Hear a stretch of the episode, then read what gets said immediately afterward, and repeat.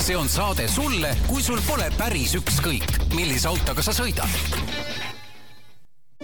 auto vahetamine võib olla tükk tegemist, aga mitte ideaalautos. meie suures müügisalongis on esinduslik valik garantiilisi, vähekasutatud autosid. ideaalauto, kõik, mida vajad, on siin.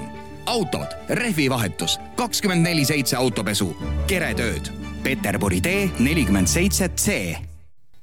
tere kuulajad, autotund on eetris, stuudios Tarmo Tähepõld, Martin Mets Geenius uudisteportaalist.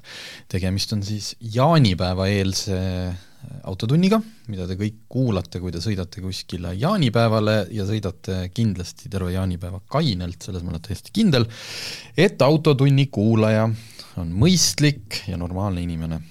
ja kui ei ole kindel, siis ostke omale alkomeetrid ja kui ikka veel ei ole kind-, siis ma ei tea, tehke omale tassike teed ja pikutage natukene. sest et ähm, või noh, kui te milleski võite kindel olla, siis on see, et jaanilaub, jaani iganes hommiku järgselt, siin ju hakkavad need jaanipeod juba ilmselt täna ja igal pool pihta, et noh, et politsei on väljas, et kui teil endal võib-olla see moraalne kompass ei näita päris õigesse suunda. Kuhu see kompass näitab, kui see on vale suund, et kas see on lõunasse just, ma mõtlen sama, et see on tood... põhja või kuhu, mis on see, kuhu see moraalne kompass peab näitama, kui asi on õige, põhja või? Põhja ei, ei, ei just, et põhja ta ei tohi näidata jah, et siis sa lähed põhja omadega, et, et kui te nagu mitte kui asjad lähevad lõunasse, kurat, ei tea nüüd, ühesõnaga jah, ühesõnaga valesse kohta näitab kompass. ärge sõitke, ärge sõitke ja ärge kihutage, sest et äh, kui isegi olete kaine ja siis võib-olla mõned ei ole. aga okei okay., meie saates on teemasid mitmeid, mitte nagu tavaliselt, ja, ja siis äh, meie see nädala sündmust, mul, ma panin kohe kaks. üks on tore ja, ja teine on selline natuke ving-ving, aga tasub taaskord ära mainida. tore oli see, et äh, mul õpetas laps põhikooli ja siis saatis üks päev lingi et äh, kas ma saaksin selle auto rentida, et nad tahaks sõpradega, et me sõidutaks nad sellega nii-öelda aktusele. noh, mõtled ikkagi palju Ameerika filme näinud, raudselt on see nüüd mingi limusiin, eks ju, või midagi sellist maitsetut, ei olnud. teate, et Tartus saab rentida autolevi kaudu, äh, mina leidsin küll otsekontaktist, mul seal mingi kuupäevade error tekkis, äh, Hyundai Coupe, niisugune, mina ei teagi, mis aasta, võib-olla kaks tuhat viis, ma ei vaadanudki mis on väga stiilselt ehitatud Pikne McQueeniks, kes äh, vähegi seda laste multikat teab, Cars autod, no ikka täiesti legendaarne multikas, eestikeelselt luges sinna peale Koit Toome. et äh, hästi tehtud, äh, selles mõttes kleebised on kõik korrektsed, ei ole mitte lihtsalt, et noh, punane auto ja kirjutad, teed selle number üheksakümmend viis, vaid see niisugune mõnus tagaspoiler, selline täpselt nagu Pikne McQueenil on ehitatud, noh seest on tavaline, sõidab hästi nemad tahavad sellega, neljakesi, pluss siis mina juht, eks ju, väiksesse Hyundai kupeesse. ja see, kes mulle seda rentis, ütles, et jaa, et äh, noh, kindel värk, et selleks rohkem tähelepanu, kui sa mingi Lamborghiniga sõidaksid ja tuleb tunnistada, saab küll. ma muidugi, raske oli minul, sest et ma pidin selle ühel hommikul vara Tartust ära tooma ja tei-, järgmisel hommikul vara tagasi viima, sest et huvilisi oli palju. aga tõesti, sõidad maanteel rahulikult äh, ajad seal, kuulad oma podcastikest ja siis vaatad, et et noh, keegi sul seal Tallinn-Tartu maanteel, et see ei ole väga kiire auto, selles mõttes, et ärge oodake Pikna McQueenilikku kiirust sealt, siis mingi auto tükk aega sõidab sul kõrval juba niimoodi, et no mine siis mööda, noh et nagu, see oli see kaks pluss kaks, et mhm. midagi ohtlikku ei olnud, aga siis vaatad kõrvale, lapsed seal pildistavad siin, naeravad, näitavad näpuga, õudselt positiivne kogemus. et äh, soovitan äh,, rentige omale lahedaid autosid aga mis nii tore ei olnud, et kui ma siis äh, teisel hommikul seda, aa ei, see oli see päev, kui ma, kui ma selle autoga läksin äh, Tartust Tallinnasse. Äh, viimasel ajal on Tallinna-Tartu maantee jätnud õudselt hea mulje, kas või juba sellepärast, et noh, sisuliselt eks ju Mäost, jah, ongi, sul ei olegi enam mingit muret, et sõidadki nii, nagu sõidad, kui just mõni seal parem vasakus reas mingit koolitust ei korralda, nagu ma siin üks nädal rääkisin aga seekord see ots Tartust siis Mäoni äh, tuletas meelde, et äh, miks äh, noh, miks inimesed neid ikkagi, neid neljarealisi tahavad ja miks meil neid võib-olla ka mingitel lõikudel vaja on. see on see, kui kaks rekkameest otsustavad hakata ma ei tea, mitmes, mitmes vahetus neil läheb, eks ju, kui, kui halvas kohas nad elus omadega on. sest et nad kõik ju seaduslikult ei saa sõita vist kiiremini kui mingi kaheksakümmend üheksa või üheksakümmend, noh mis iganes. no üldiselt jah, võib-olla on keegi piiraja on peal. nii, aga millegipärast kohas see piiraja alati ka muidugi. no see on täpselt, sa ei saa ju iga aut-, noh, auto ei ole ju mingi, seal, see ei käi satelliitside põhjal, vaid noh, nii nagu on. Mõlenal koorem suurem, eks ju, ja sõitis siis Eesti, Eesti rekka, Schenker oli peale kirjutatud ja tema taga poolakas, Poola numbritega. ja hakkas see värk pihta, et poolakal on vaja mööda minna. mis iganes põhjusel Schenker sõitis paar kilti aeglasemalt, temal on vaja mööda minna ja kui sa hakkad seal üks pluss ühe peal selle rekkaga, no küll ta üritas, noh ikka korduvalt pidi siis pooleli jätma äkkpidurduse, noh nagu, no ikka korralik retsimine.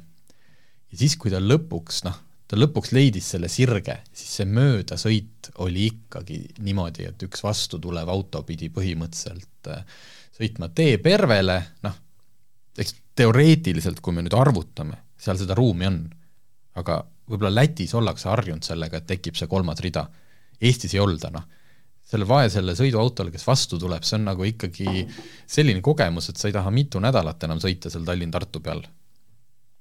ja äh, ja siis ongi see kaks asja, et noh, minu arust Poolak, noh, ma ei oska selle Poolaku kohta midagi öelda, mis tema põhjendus oli, kas ta hakkas kuskile laevale hiljaks jääma või oligi, ja aga siis see teine pool on alati see teine rekka, kes siis ei ole nõus kiirust maha võtma.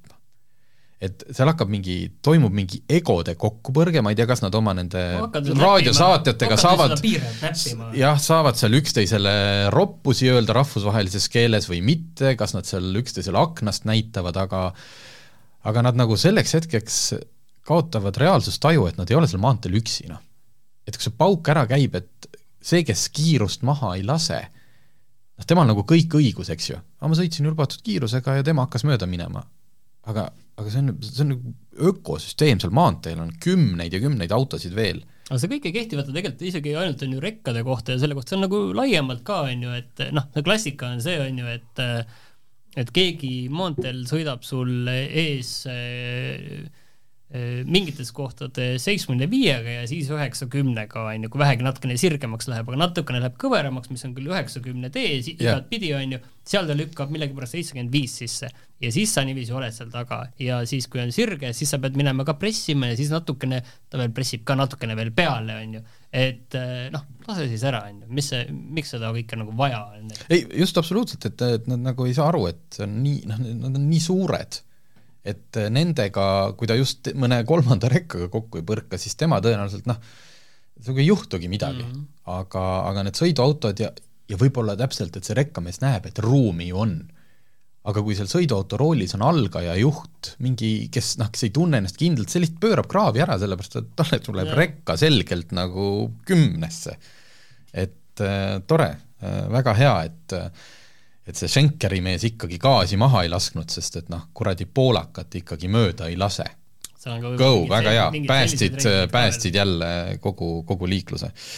nii äh,, sain ära viriseda ja loodetavasti mõni rekkamees, kellel kunagi ka niimoodi kaane maha viskab, et siis ikkagi leiab selle piduripedaali ülesse.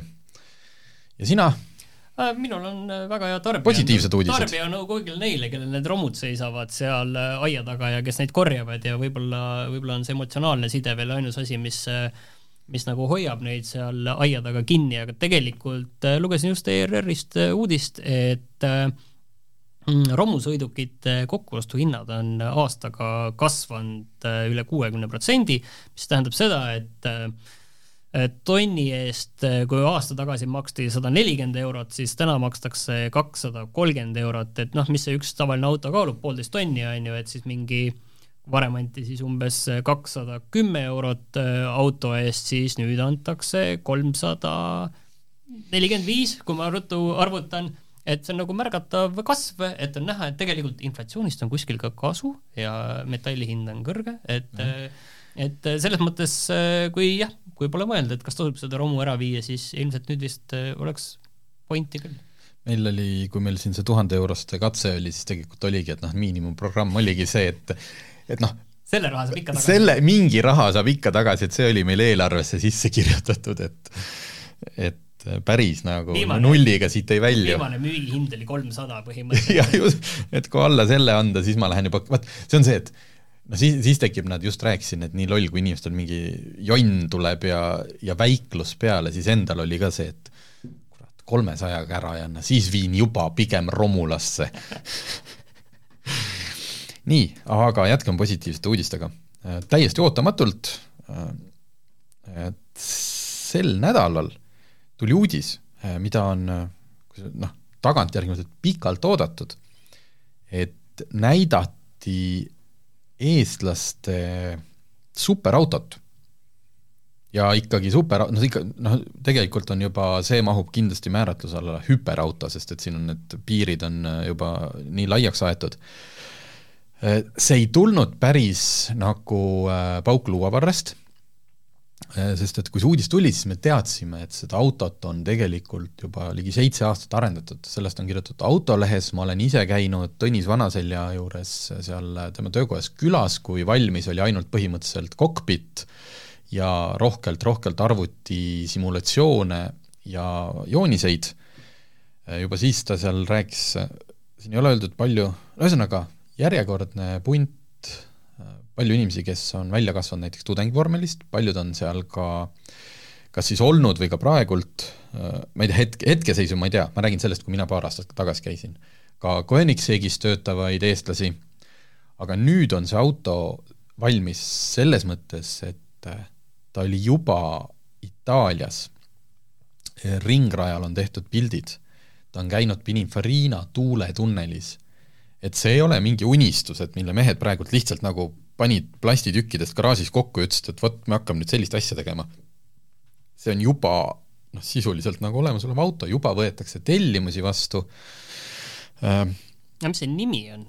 nimi, olgu, selle superauto nimi on Kalana ja see, kui teile kõlab see nimi tuttavalt, siis täpselt nii ta ongi. tegemist ei ole mingi ladinakeelse tähendusega superkiire või tegemist on kohanimega Hiiumaal, mille Tõnis Vanaselja pani siis selle järgi, et ta vist on ise seal lapsepõlves kasvanud. kui kellelegi oleks vaja seda autot natuke kirjeldada, sest raadio ju teadupärast pilti ei näita, siis eh, mina ütleksin, et see on selline mm, Batmobiil ta on Batmobiil, et tegelikult äh, kes on noh, ütleme rohkem automaatika kursis, ta on selline tüübilise ringrajale orienteeritud auto välimus, et põhiline on aerodünaamika. Kui ma siin vaatan seda ühte pilti, noh natuke viskab Pagani Sondat näiteks sisse või Paganit, aga et äh, äh, ja see, ja see ringraja suunitlus ongi seal põhiline.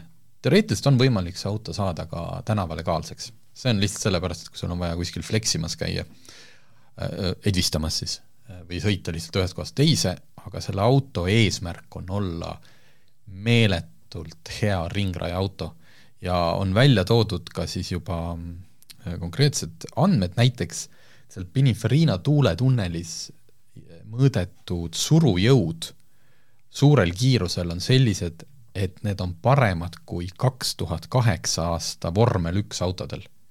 Okei okay,, praegult on noh, kaks tuhat kaheksa oli noh, mingi, mis ta on, see on kuusteist aastat tagasi, neliteist või viisteist, issand küll, aga äh, ikkagi, noh siis oli ikkagi vormel üks autode arendus ikkagi juba väga-väga kõrgel tasemel, et äh, ja siin on öeldud selles pressiteates, et seal Pininfarina tuuletunnelis on testitud paljusid Ferrari mudeleid ja see tegi seal surujõu absoluutse rekordi, ma siis eeldan, et selle konkreetse tuuletunneli absoluutne rekord, et sealt ei ole käinud läbi niivõrd hea aerodünaamikaga autot. et tippkiirus umbes kolmsada nelikümmend kilomeetrit tunnis, aga noh, ma ütlen, et see Kalana ei olegi mõeldud, et ta nüüd hakkab siin kuskil Rimac Nevera ja, ja Koenigsegg Regera mingeid selliseid null kuni nelisada tulemusi ületama, et see auto lihtsalt peab kurvides püsima nagu liimitud sa enne ütlesid, et tellimusi võetakse ka vastu, et äh, kui ma endal kõik kinnisvarad maha müün, et äh, on mul mingigi võimalus või? aga siis sa pead nüüd siin äh, oma kuulajatele avalikustama oma kinnisvaraportfelli. ilmselt ei ole, ma võin sulle ennatlikult öelda, et ei ole, et siin on öeldud, et auto hind on seitsmekohaline mis tähendab siis, seda, et siis, ma jään, jään pikalt puudu mul. et eh, noh, üle miljoni, aga, aga ilmselt, ilmselt ta kuskile sinna noh, natuke üle miljoni jääbki, et eh, kui oleks kaks, noh siis küllap, või üheksa miljonit, noh küllap seda oleks siis öeldud. et loomulikult tehakse see sulle eritellimusel, et keegi lattu neid ei tooda, hetkel on järjekord üks kuni, üks koma viis aastat, eh, mis tähendab seda, et nagu noh, et see on neil, ma saan aru, valmis auto. kahjuks ei ole siin öeldud, me nüüd üritame saada kiirelt mingi intervjuu või mingi loo sellest autost, see on siin väga värske, paar, paar päeva vana uudis, et äh, ei ole öeldud, noh, et mis mootor siin täpselt sees on. kunagi, kui ma Vanasõli juures käisin, siis ta rääkis erinevad, siis nad alles valisid, et selliseid äh, nagu mootoritootjaid on palju, kes toodavadki nagu võidusõiduautode mootoreid äh,. Mis siis veel? Hästi palju on rõhutatud seda, et see on ikkagi Eesti inseneride poolt välja töötatud auto. see ei ole niimoodi, et siin on nüüd paar Eesti investorit või nagu noh, meil ma ei tea, startup maailmas tihti armastatakse, et Eesti juurtega idufirma, mis tähendab seda, et üks eestlane pani kuskil raha sisse ja, ja tegelikult Ameerikas kõik toimub, et ei, et see kalana on ikkagi väga ja siis Vanasilja siin eraldi ka rõhutab just seda, toob siis ka murekohana välja, et Eestis oleks palju-palju rohkem insenere vaja, et selliseid noh. no see on neid, nagu igal pool jah, kõige tegemiseks. jah, et, äh, et väga kihvt projekt, äh, mul tahtsin, mul meenus midagi selle ah,, tookord, kui ma käisin ta juures, siis äh, ta ütles, et et vähemalt nii-öelda joonistel või sellel hetkel üks eesmärk võiks olla sõita Audrus ehk siis Porsche ringil alla minuti hetkel on Porsche ringil, seal muidugi äh, ametlik rekord Porsche ringil vist on praegult üks, üks kaksteist või üks üksteist mm., Martin Rump, mille ta sõitis kaks tuhat kolmteist aastal Renault vormeliga, et neid rajarekordeid mõõdetakse seal ikkagi mingite võistluste käigus. aga ma tean, siin vist hiljuti käis ühel avatud open track üritusel soomlased ühe hullumeelse Audiga, mis oli sõitnud vist üks kümme ringe. et äh, et siis selle autoga sõita alla minuti võiks olla päris kihvt ja ma tahaks seda kindlasti näha. Ah,. selle, sellega seoses mul meenus, kui ma rääkisin Martin Ruppik kunagi, ta ütles, et ta sõitis, see oli vist tema, eh, simulaatorit, sõitis simulaatoril eh, F1 autoga, eh, aud-, või seda Porsche ringi, ja aeg oli vist äkki mingi nelikümmend viis sekundit. Ühesõnaga, me räägime suur-, noh, sa võid autole kaks tuhat hobujõudu panna, seal noh, mingit vahet ei ole, kui see auto sul rajal ei püsi. nii et mingist hetkest, kui me ringiaegade jahtimisel on just see surujõud ja see on äh, Kalana puhul nagu, nagu hästi-hästi oluline.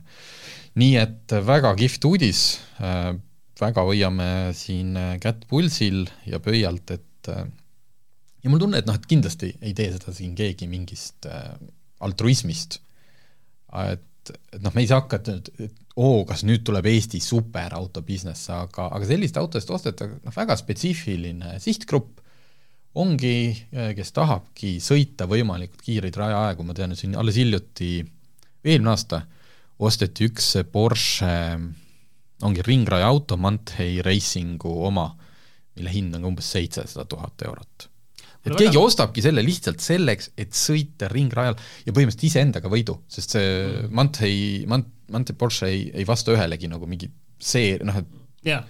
iseendaga sõidad ja nüüd Kalanaga sama asi. mulle väga meeldis see, et sa nüüd sellest autost rääkisid palju pikemalt kui äh, eelmisel äh, nädalal Bentleyst või mõnest teisest proofisõidust, autost, millega sa ise tegelikult sõitnud ei ole, et ja ilmselt ka kunagi ei sõida, aga, aga väga kihvt. nii ähm,, mis meil siin veel on, meil on siin see, et Maanteeamet või Transpordiamet äh,, palju see on siis, kaks-kolm aastat juba ja me ikka ütleme Maanteeamet. ja mõni käib ikka veel ARK-is.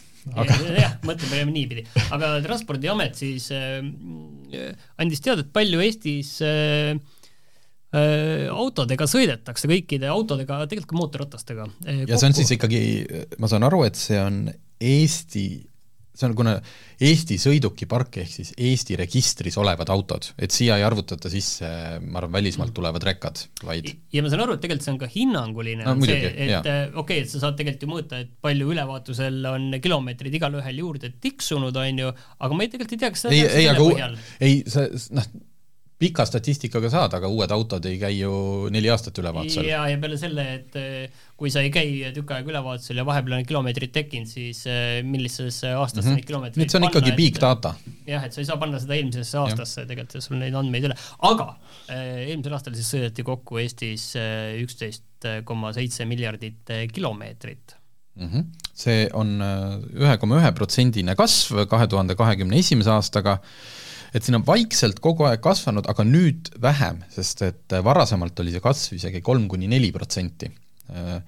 välja arvatud siis see Covidi aasta oli kaks tuhat kakskümmend, kui läbisõit vähenes, aga et noh, ma ei teagi, mis siin põhjendus on, et kas, kas see, et kütuse hind või lihtsalt, et see kasv jõudiski nagu mingi piirini, et noh, et ega noh, on teatud, eks ju, inimestel võib heaolu ju olla, aga noh, kaua sa ikka siis siin edasi-tagasi kuskil asi, kohtade vahel sõidad, et äh, pigem mind nagu huvitaks tegelikult äkki see, et äh, teiste Euroopa riikidega, milline oleks see võrdlus, et kui me jagame need äh, üksteist koma seitse miljardit kilomeetrit nende autodega nüüd ära, et mis seal peaks olema, et tegelikult me ei tea isegi, mis see autode arv on mm, -hmm. mille põhjalt see on arvutatud, kas see on kuussada tuhat või, või on see ilmselt ikkagi väiksem arv natukene aga siin on üks oluline asi, miks, miks seda uudist üldse noh, huvitav number ka, et teate, et kui teete näiteks sõpradele jaanipäeval viktoriini, eh, siis on teil kohe hea küsida, mitu miljardit kilomeetrit Eesti autod sõitsid.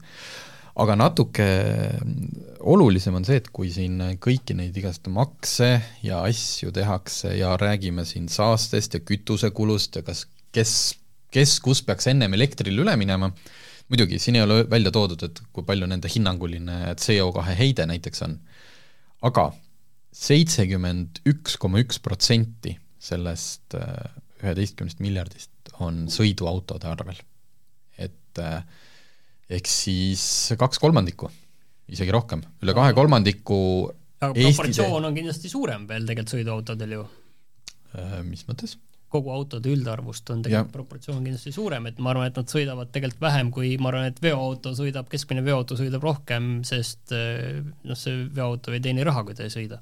jah, ja teine, ja siis eh, veoautod nelikümmend koma viis ja siis eh, bussid, mootorrattad kaks koma kuus. et need protsendid praegu niimoodi kokku ei tule, aga seal on mingeid muid liike ka veel vahel mis on muidugi eraldi teema, on see, et sellest äh, üheteistkümnest koma seitsmest miljardist siis äh, neli koma üheksa, ütleme ümardatult, ehk siis äh, nelikümmend protsenti umbes sõideti linnades. see, ma, ma, ma ei teagi, kas see on nagu palju või vähe või, kuidas see tundub, ma saan aru, et muidugi linnades on autosid palju rohkem ja need kilomeetreid öö, autode kohta tuleb vähe, aga autosid on palju. et öö, ma ei teagi, see, see on, aga noh see on päris palju, et noh, see on täpselt, et kui kuskilt nagu lõigata annab, et nojah, teistpidi sa saaksid jälle, et neid pikki sõite inimesed teekski pigem rongiga, eks ju, aga noh, kui sa hakkad ikkagi Lõuna-Eestisse minema, et no ma sõidan rongiga sinna noh, kui ma lähen Tartusse kohtu, noh, mingil tööasju ajama, et siis ma võin ju minna, aga kui ma tahan ikkagi perega puhkusele või sõbra juurde minna, et siis ma rongiga ei viitsi, et linnas noh, annaks lõigata küll. Ja üheksakümmend kaks protsenti kõigist sõitudest riigimaanteedel ja kaheksa protsenti siis kohalikel maanteedel ma selle statistika kohta ei oska miskit öelda. kui palju, et mis seal siis on. vot, aga nii palju siis Eestis sõidetakse. ja teine väga terav teema, mille nüüd tõi, mis siin kahjuks nagu on äh, viimastel kuudel olnud päevakorras, äh, mitte, mitte küll noh, heas mõttes, vaid halvas, on siis äh, on olnud paar rasket õnnetust, mille põhjustajaks on olnud roolis olnud eakas juht ja, ja mis iganes põhjustel, kas seal on siis olnud terviserike või mingi muu põhjus, on olnud traagilisi liiklusõnnetusi. ja Liikluskindlustuse Fond äh, tegi siis ka statistika, et viimase kümne aastaga on eakate juhtide põhjustatud liiklusõnnetuste osakaal seitsekümmend protsenti tõusnud Äh, tänavu on üle kuuekümne viie aastased põhjustanud tuhat seitsesada liikluskindlustusjuhtumit, okei okay.. aga, aga samas tuuakse kohe ka välja, et, et kõige suurem riskigrupp on ikkagi kuni kahekümne kuue aastased. iga seitsmes noor põhjustab aasta jooksul liiklusõnnetuse.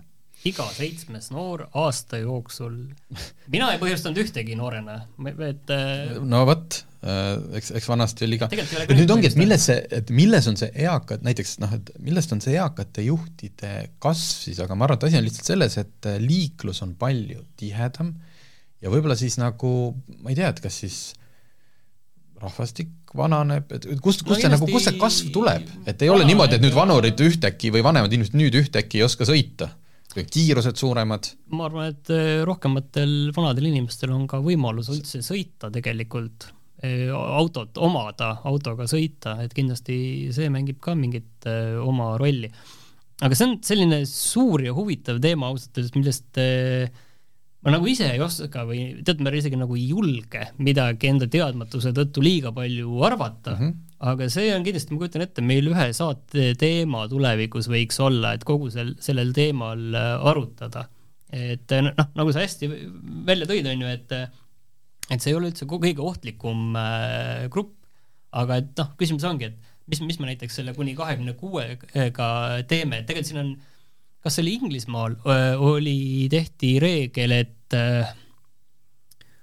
alla kahekümne nelja või midagi umbes sellises vanuses inimesed ei tohi nüüd mul on meelest läinud, ka kaasreisijaid ei tohtinud liiga palju olla või mingi mingi, mingi veider seadus. seal on hästi, ma just uut ja ma tean, et seal on hästi karmid need kindlustusreeglid, seal noored tihti ei saagi omale autot lubada, sest see lihtsalt kindlustus on nii meeletult kallis.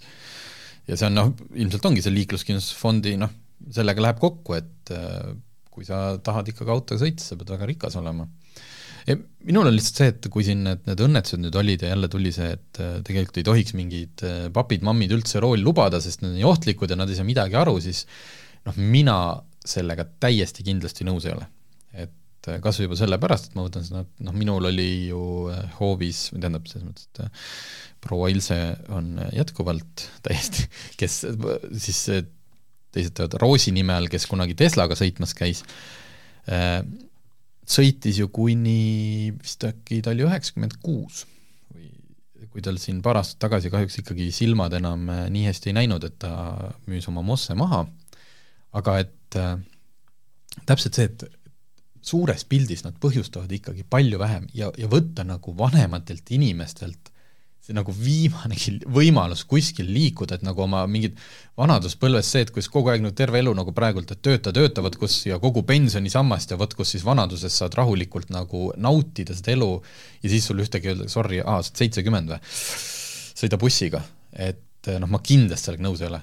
ja just tuues välja selle, et kui me hakkame piirama vanu, kuidagi nagu sõiduõigust lihtsalt vanuse või ma ei tea, mille pealt, siis noh, selge, siis alla kahekümne viie ei tohi üldse keegi rooli minna, sest see on ohtlik. nüüd on küsimus, et kui palju neid siis peaks noh, selleks ei ole jälle seda haldusvõimekust, et kas sa saad, et noh, mingist vanusest alates ikkagi tihedamini teha tervisekontrolli. ja ma tahtsin sinna jõuda ka, et kas või siis mingit, mingeid teste teha, sest tänapäeval on ju meil nii palju mingeid reaktsiooniteste ja asju, et kui sa ikkagi näed, et inimene on nagu õudselt noh, muidu nagu ütleme, vaimselt täiesti terav ja pädev, aga kui ikkagi nagu noh, enam, enam ei ole seda teravust, mida liikluses vaja, et siis hakata kaaluma, et äh, mis teha. aga mitte lihtsalt nii, et äh, noh, kogu ühiskond või mitte kogu ühiskond, see, me, ei saa muidugi võtta mingite netikommentaatorite pealt, aga nagu kuulge, me ei saa hakata inimestelt võtma juhtimisõigust ära sellepärast lihtsalt, et nad on vanad. et äh, igal juhul neil on sama suur õigus sõita ja me peame lihtsalt siis noh, mis siin välja tuuakse, on see, et kui keegi midagi üldse teha saab, siis on need äh, lähedased. et see on jube ja. raske, on muidugi sul oma isale, kes on, ma ei tea, viiskümmend aastat sõitnud ja sinu jaoks olnud terve elu maailma parim autojuht, aga noh, kui sa näed, kui sa temaga sõidad ja sa näed, et ta teeb mingeid täiesti jaburaid asju. see on jah ilmselt nagu üldse kõige mõistlikum äh, nõu, ma arvan, mis siin tegelikult nagu on. just nii, aga kaks proovisõitu ka ja seekord mitte üldse Bentley Continental. viisin selle ajakirja. nii, sina tutvusta neid, ütle need kaks autot ja ma toon ruttu omale, et mul oleks mingid andmed kohe võtta. nii, see, see, okei okay,, oota, ma ootan su ära. Mis ajakiri sul seal selja taga on? see on, see on mingi vana, nii Äh, kaks väga-väga olulist äh, nii-öelda tarbija mõttes olulist autot. üks oli Honda ZRV, äh, Z nagu zombi, küll ära rikutud täht viimasel ajal, aga mis siis ikka, kõik tähed on ilusad, ja teine oli Renault Espace. võtame selle Honda esimesena, sellepärast et Hondaga sõitsin ma hiljuti, eelmine nädal, ja peaks ütlema, et see Honda tuleb nüüd, see on täiesti uus uh,, uus mudel. alustame sellest, on ju, et uh, mina vaatan neid pilte ja ta piltide järgi näeb välja suhteliselt nagu see uuem uh, see HRV, et yeah. mis see nagu vahe on? kusjuures täiesti piinlik lugu, et kui me seal Barcelonas sellega tutvuma läksime, jõudsime oma hotelli ja hotelli ukse ees oli hästi ilus punane auto niimoodi väljas ja hakkas, hakkasime kohe pildistama. ja siis Honda inimene ütles, et ei, see on, this is the HRV nagu, aa okei, okei, okei. et äh, kuigi just visuaalselt, kui need kõrvuti on, on päris raske nende suuruse vahet märgata, siis tegelikult ZRV on natukene suurem ja see suurus tuleneb just pigem tagaosast, et see pagasiruum, et HRV langeb, niisugune katus, ta on niisugune funky auto, ZRV on äh, mõel- äh,, konkurentideks on Toyota Corolla Cross ja näiteks Nissan Qashqai. et ta tuleb sinna väga-väga tihedasse klassi, kus on eestlaste põhimõtteliselt lemmikautod. et kuigi noh, müügitabelites on RAV4, siis tegelikult äh, on Corolla Cross äh, nat-, nagu odavam ja, ja mõistlikum ja sama on siis Hondaga vot siin äh, selle, noh, minu arvamus on igal juhul selge, et minu meelest äh, Honda on selle, selle viimaste nende HRV disainidega nagu täiesti võssa läinud, et okei okay,, et vanasti see HRV oli ikkagi selgelt eristuv asi ja, ja no see tagant, esimene põlvkond. no esimene ja kui ta tagant oli selline suur veel tegelikult ja mahtus asju, on ju, noh, siis ma tean, et okei okay,, nüüd siis äh, pärast seda esimest tuli see teine. see, see oli õudne, õudne käkk oli see, see teine põlvkond oli noh, ikka ta oli ka halb sõita, seal oli kehv mootor ja see oli olen ikkagi aga, aga see, aga noh, tagant ta läks nagu oluliselt veel väiksemaks ja siis see, aga nüüd see uus on nagu äh, see HRV on nagu hästi selline tavaline linnamaastur, et ta ei erine enam mitte millegi poolest. aga nüüd ma saan aru, et CRV on nüüd HRV, mis on tehtud suuremaks tagant. jaa, äh, võib-olla kui ma tooks nagu siis puudused oota, kõigepealt. oota, sa öelnud seda ära, kas tegemist on elektriautoga või mitte? aa, ei ole, ei, ei, ei yeah., selles mõttes äh, ma ütlengi, et ta tuleb ikkagi väga tihedasse klassi, kus on need autod, mida hetkel ost-, ostetakse, ta on hübriid. Äh, ta on see nii-öelda täishübriid, nagu ongi olnud siis siin Toyota, Toyotad. Äh, paar puudust, disaini osas ma olen sinuga nõus, tegemist ei ole maailma kõige ilusam autoga, ta ei ole ka mingi, selles mõttes ta ei ole ka mingi nagu õudne ulmeleiutis, ta on lihtsalt nii tavaline. jaa, ma tahtsin ka öelda, et tavaline. ta on ta... hästi tavaline auto ja natukene mind, mind kõige rohkem nagu häiris, kui ma seal ise pilte tegin, mis pressifotodelt ei tulegi nii palju välja, on et kuidagi see tagaratta ja see tagumise ülendi osa on selline, et kuigi tal olid all kaheksateist tollised rattad, tundusid, et kuidagi nagu väiksed, kuidagi nagu köötsakas oli see tagaosa. aga, aga kui me võtame seda, et see auto on mõeldud inimestele, noh, kellel on nagu kes tahab lihtsalt head, ökonoomset, vastupidavat, niisugust tänapäevast autot, siis noh, nemad ilmselt ei hakka nagu seal käima mingit äh, disainihinnanguid andma. Äh, ja, ja võib-olla veel kõige lihtsam on öelda, et tegemist on äh, kõrgele tõstetud Civicuga. sest tehnoloogiliselt on see täpselt sama auto, mis Honda Civic kuus. tal on kaheliitrine bensiinimootor Äh, siis hübriid ehk siis elektrimootor, ühe kilovatt-tunnine aku ja lubatakse siis keskmist kütusekulu viis koma kaheksa liitrit sajale. tagaistmel, nagu tänapäeva autodel õnneks kohane, ruumi rohkem kui nagu vajagi, selles mõttes mingit, et et kui sa nüüd mõtled, et ma tahaks ikkagi uut CRV-d, äh, sügisel tuleb ka uus CRV välja, või, või äkki see ZRV jääb ikkagi äh, väikseks, siis kindlasti mitte. põhimõtteliselt praegult olemata uut CRV-d näinud, siis ainuke suur eelis see, see CRV siis puhul on see, et seda saab nelikveolisena. seda ZRV-d ei saa. ja ma siin oma arvustuses pühendasin terve lõigu sellele pagana nimedele. et noh, Hondal on ajaloos sellised nimed, eks ju, siin lähiajaloos ka, Jazz, Civic, Accord, Concerto ja siis on mingi valik, HRV, ZRV, kuhu, kuhu see sidekriips käib? sest et on olemas ka Toyota CHR. õige, aga see, pühendame nüüd ühe lõigu, mis tundub võib-olla niisugune kõige olulisem lõik on, ei, hinnale. ei, ennem ma räägin sellest, kuidas sõita on. sellepärast, et ma tahtsin lihtsalt ära öelda, sõit oli väga hea. see, ta läheb kokku sellega, et see on auto inimesele, kes tahab lihtsalt sõita autoga mõnusalt ja mind natukene isegi seal sellel esitlusel ja pressimaterjalides segab see, et nad kasutavad hästi julgelt kogu aeg sõna dynamic, performance, sport, noh, ei ole vaja, see on, te müüte autot inimesele, kellel on täiesti suva sellest, mis selle auto performance on, kui me just ei räägi kütusekulust, eks ju. ta on, ta liigub edasi väga hästi ta liigub piisavalt kiiresti, nullist sajani seitsme koma üheksa sekundiga, mida noh, autoinimesed teavad, ei ole midagi väga kiiret, tal on variaatorkast, aga Honda on selle osanud nii hästi programmeerida, et kui sa seal, sõitsime seal kiirteedel, et tuled peale sõit, siis on see koht, kus saad korraks gaasi põhja lüüa, et jah, ta lükkab need pöörded kõrgele, karjub natuke, aga siis need tulevad kohe alla, nii kui sa gaasi alla lased. et Toyota kipub tihti jääma kuidagi, et see gaasipedaali asend äh, ja mootori röökimine ei ole alati nagu ühes kohas, äh, tulenevalt variaatorkasti eripäradest. Hondal on see palju parem. ta liigub täiesti piisavalt, mis kõige mõnusam, et nendel hetkedel, kui sa oled rahulikult, hästi vaikne auto. vaikne, sujuv, mõnus, noh, selline, nagu üks auto tegelikult olema peab, kui me eemaldame valemist selle petroseksualismi, noh, ühesõnaga selline lihtne auto lihtsale ja, inimesele, kellel on korralik, see, seest, seest näeb ta parem välja kui väljast, korralikud materjalid muidugi, natuke seal keskkonsooli allosas on seda odavat plastikut, et noh, kõik on, kõik on hästi. Ja me sõitsime seal peamiselt mägi- ja kiirteedel, ehk siis mitte kõige paremad olud hübriidi jaoks. Ja kütusekulu oli meil alla kuue ja seitsme vahel. nii et kui sa oled inimene, kes sõidab ka palju Tall-, noh ütleme linnas, siis see viis koma kaheksa suhteliselt reaalne. kui me räägime hinnast, siis noh, miks ma sellest rääkida ei tahtnud, on see, et ma ei tea, palju see maksab. aa, ei olegi hinda? ei ole.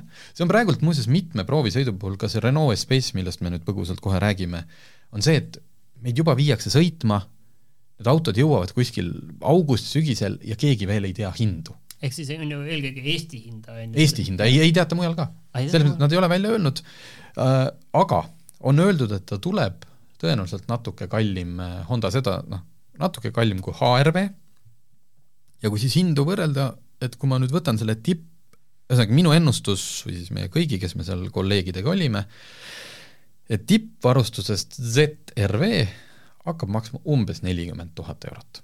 Hondal on see hästi lihtne, tal on kolm varustustaset, noh ilmselt saad valida natuke ägedama värvi peale maksta ja, ja ma arvan, et see tippvarustus, kuna ainult üks mootor, üks käigukast, et siis validki varustust ja on umbes nelikümmend tuhat eurot ja see vastab sellele, kui palju maksavad konkurendid. Toyota Corolla Cross, mida saab ka nelikveolisena, aga esiveoline hübriid tippvarustuses on samuti nelikümmend tuhat või peale. nii et äh, kui Honda suudab selle hinna sinna panna, siis on äh, konkurentsi kindlasti.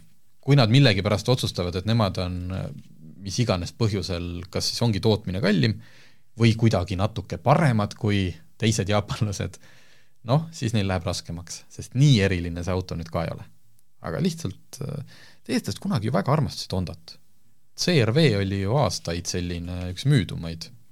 aga vahepeal, just, aga vahepeal langes ära ja nüüd selle ZRV-ga on neil võimalik äh, tulla tagasi. Renault Espace, noh, Renault Espace'i puhul oleks äh, es-, esimene virin see, et äh, Space eriti esimene põlvkond, mis oli muuseas seal esitlusel ka kohal Portugalis, oli kõik, kõik kuus põlvkonda olid rivvi pandud, toodud tehase nagu need niisugused kvaliteedis autod, issand, see esimene põlvkond, see oli nii cool, see oleks nagu noh, kõik need mo-, mis need on, Volkswageni hipibussid ja sellest järgmine see kandiline T3, millega siin Kalamajas kõik hipsterid sõidavad, oleks mul esimese põlvkonna heas seisukorras see Space siis need kõik need ülejäänud hipsterid, ma arvan, vaataks kadedusega mind. see on siis kuskil kaheksakümnendate keskpaigast. jaa, niisugune mm. klaasist kuubik, seest on heledast, kõik on põrandal on vaip, noh, kõik on nagu nii funky kuus, ongi niimoodi, ta oleks nagu kontseptauto, et juhiiste, mille taga siis üksteise järel kaks, noh, nagu kuus istet niimoodi seal ongi, jah, hästi minimalistlik ja mõnus. ka järgmised põlvkonnad olid niisugused hästi praktilised mahtuniversaalid. Space oligi põhimõtteliselt selle klassi nii-öelda pioneer. Väga ruumikad, kõik, kõik niimoodi, kahjuks mitte küll kõige vastupidavamad aga väga praktilised. ja eelmine põlvkond tegelikult oli ka veel maht universaal, aga juba nagu maast kõrgem, ehk siis linnamaasturlik. siis kuues põlvkond, rääkigu need pressitekstid, mis tahavad, kuidas Espace ja uus ja kõik, siis tegelikult on, kui sa vaatad peale, on tegemist äh, Renault Australi pikema versiooniga. Äh, nüüd kuuenda põlvkonni Space on täielikult linnamaastur. noh, tegelikult tagant natuke on, see... on kõrgem nagu või? ja, ja ei, kuidas kõrgem, et nagu no sellise päris tavalise linnamaasturiga võrreldes või mul on natuke halva nurga alt see pilt siin praegu. ja ei, ta on ikka täi-, täiesti tavaline linnamaastur, et äh, eelmisest põlvkonnast on veel clearance kaks senti veel kõrgem, ehk kaheksateist äh,.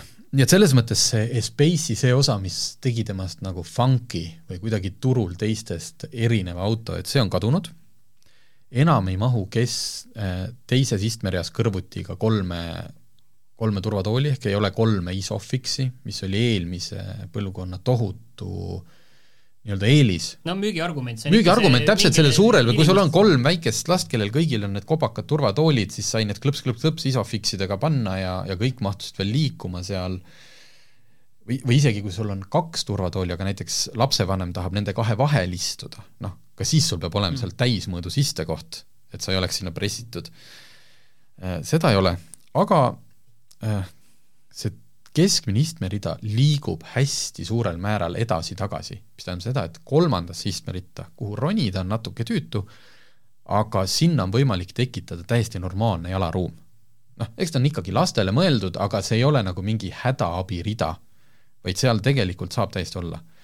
et ühesõnaga, see Espace on seest jätkuvalt väga suur, ainult üks mootor, kahesaja hobujõuline hübriid Renault on praegult väga tugev see ekraani värk, et hästi, nad kasutavad Google'it, Google Maps, Spotify, kõik on sul juba seal äh, süsteemis sees, hästi kvaliteetne ekraan, et nagu noh, jällegi see põgus proovisõit, väga hea auto. Mul ei ole mitte midagi peale selle, et noh, ta ei ole enam see kihvt vana Espace, et ta on lihtsalt äh, üks, üks järjekordne linnamaastur kõik, kõik lähevad ikka sinna sarnaseks ikka. kõik lähevad liiga sarnaseks, aga noh, teistpidi, et kui sul on, kui sul on suur pere ja sa otsid omale praegult sellist äh, suurt äh, pereautot ja ei taha minna seda järgmist sammu astuda, mis on juba see väike buss, ehk siis ma ei tea, mingi Volkswagen Multivan või või Opel, mis see oli, Vivaro, mäleta, ei olnud Vivaro, ükskõik. Et kui sa selleks bussiinimeseks ei taha hakata, siis Espace on täiesti okei okay.. Nüüd on siis jah, jälle seesama probleem et kui palju see auto maksma hakkab. jällegi, hindu ei öeldud meile kuidagi välja. kindla, ühesõnaga, kui me võtame Australi, eh, millel tavaline mootor eh, ja sellesama ikoonik varustustasemega, nagu oli see Space, maksab kolmkümmend seitse tuhat eurot. et noh, siis ei ole mingit varianti, et siis see täishübriid suur Space hakkaks kuidagigi maksma alla neljakümne tuhande. pigem me räägime sellest, et noh, et kas, kas palju üle neljakümne tuhande või, või natuke. et siin neid seitsmekohalisi autosid tegelikult on turul teisigi, siin Peugeot viis tuhat kaheksa, Seat Arraco, noh, Space on nendest natuke avaram, uuem igatepidi, aga nende hinnad on seal pigem alla neljakümne tuhande. Aga või mulle väga meeldib see, et üle, üle tüki aja on äh, meil saates siin äh, proovisõidud äh, sellised autod, mis on vähemalt nagu neljakümne tuhande kandis ja niiviisi, et, et muidu kui on need elektriautod, siis, siis on kohe pluss kümme vähemalt sealt, aga noh, pigem nagu rohkem isegi ja siis no okei okay,, need Bentley'd tead, ma ausalt öeldes näed, nagu sa näed, eks ju, ma rääkisin kahest sellisest sisuliselt tavalisest autost palju entusiastlikumalt kui ühest hästi kallist Bentley'st, sest et need võib-olla publikut kõnetavad rohkem. aga jah, et et üks asi, mis tuleks nagu võib-olla ka, et need proovisõidud, mis me teeme, see ei ole nüüd see mingi vabandus, aga noh, et et kui me räägime, et lõpuks tuli välja, et eelmise üle-eelmise põlvkonna Space ei olnud väga vastupidav auto, noh no. ega me ei tea, me ei tea seda, selleks me, neid kokkuvõtteid saategi lugeda meie kasutatud autode rubriigist, et mis see auto teeb viis aastat hiljem. aga praegult nagu noh, ma, ma tõesti seal Espace'il ei leidnud nagu, ma vaatan, kas ma leidsin siin okei okay,, üks asi, mis mind häiris, oli hästi palju see auto nagu teeb mingeid asju, mida ei ole vaja teha. Kui ma liigutan juhiistet, elektriline istet, siis ta viskab mul keskekraanile, võib-olla saab kuskilt välja lülitada, selle, et aa, nüüd on sul ist-, ta paneb sinna suure istme pildi, et mida ma hetkel teen. ei ole vaja, ma näiteks tahtsin kaarti noh, sellel hetkel vaadata, et, et mingid keegi on kuskil nagu liiga palju no, rogenud. jaa, aga see ongi, et noh, et mis sa siis teed, et mis sul see töö tulemus on, et seda peab olema ekraanil näha ju, et see, selles see häda on ah,. Ja siis praktiline nõu või praktiline info kütusekulu kohta, et suur auto, mis see ah,, kiitus Renault'le uue Renault Espace'i ja see on ka üks põhjus, miks taga keskel ei ole enam seda koht, kolm eraldi istet nad on suutnud võrreldes eelmise mudeliga auto kaalu vähendada kakssada viisteist kilo, mis on nagu jõhkralt palju. see ei ole mingi selline turundustekst, et me kasutasime siin natuke teistsugust nahka ja auto on viis kilo kergem. kakssada viisteist kilo, mis on noh, nagu respekt. ja hübriidmootor äh, ametlik keskmine ja seal on kaks kilovatt-tundi aku, kui me rääkisime eelmisel, seal Hondal oli üks kilovatt-tunnine see ühe kilovatt-tunnini, siis sellel on kahe. ja Renault ise ütleb, et linnas võiks niisugust kaheksakümmend protsenti ajast saada sõita elektriga. aga keskmine lubatud on neli koma kuus liitrit selle suure pereauto peale. jällegi pean kordama ennast, kiire mägiteed, äh, parim, mis me nägime, oli viis koma kuus ja sõidu keskmine oli kuus. mis noh, kuulge, see ei ole, see ei ole palju võib-olla saaks alla, kui siin oleks diiselmootor, aga noh, see on tänapäeval ei ole enam võimalik. aga kuidas sulle tundub, et äh, kui hästi nendel autodel nagu Eesti turul tegelikult võiks nagu minna, et äh, Hondas sa rääkisid, et äh, Hondal ma ennustan, et lemmik, kui nad, kui nad suudavad nagu jah, sellest nagu noh, selle Honda uuesti üles leida, siis ma ei näe põhjust, miks inimesel, kes ei ole auto hull, ei peaks see Honda, noh, mis tal seal vastu saaks olla, et lõpuks lähed poodi, lõpuks sa valid selle järgi, mille auto sulle roh-, kõige rohkem nagu meeldib. aga siin on muidugi see oht muidugi, eriti Honda vaates see, et okei okay,, see Civic jäi mulle väikseks või see, ma nüüd selle Civicu asemel võtan selle, et lihtsalt ja. ühe Honda asemel teise Honda no üks asi, mis Honda on ja ma eeldan, et noh, nad peavad sellele kiirelt reageerima, selle vist saab juurde tegelikult seda osta. et eh, Honda nagu standardgarantii on kolm aastat või sada tuhat. aga minu arust on neil ka hinnakirjas ikkagi see, et sa paned nagu natuke raha juurde ja siis saad pikema garantii. Space'i puhul no täiesti, täiesti oleneb hinnast, sest eelmist Space'i pered ostsid, tegelikult inimesed tahavad suuri autosid ja mitte ainult sellepärast, et kõrgel istuda, vaid et palju mahuks.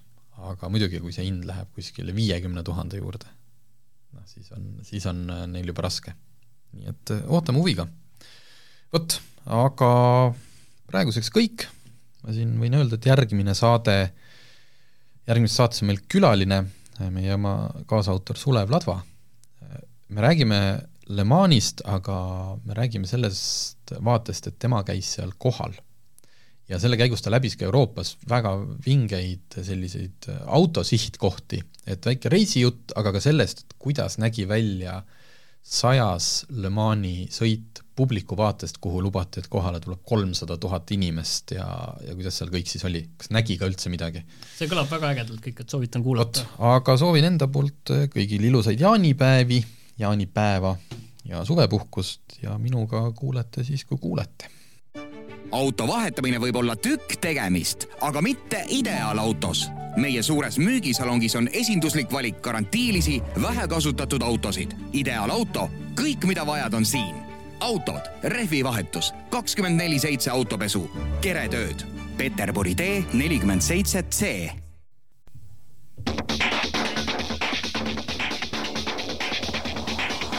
autotund.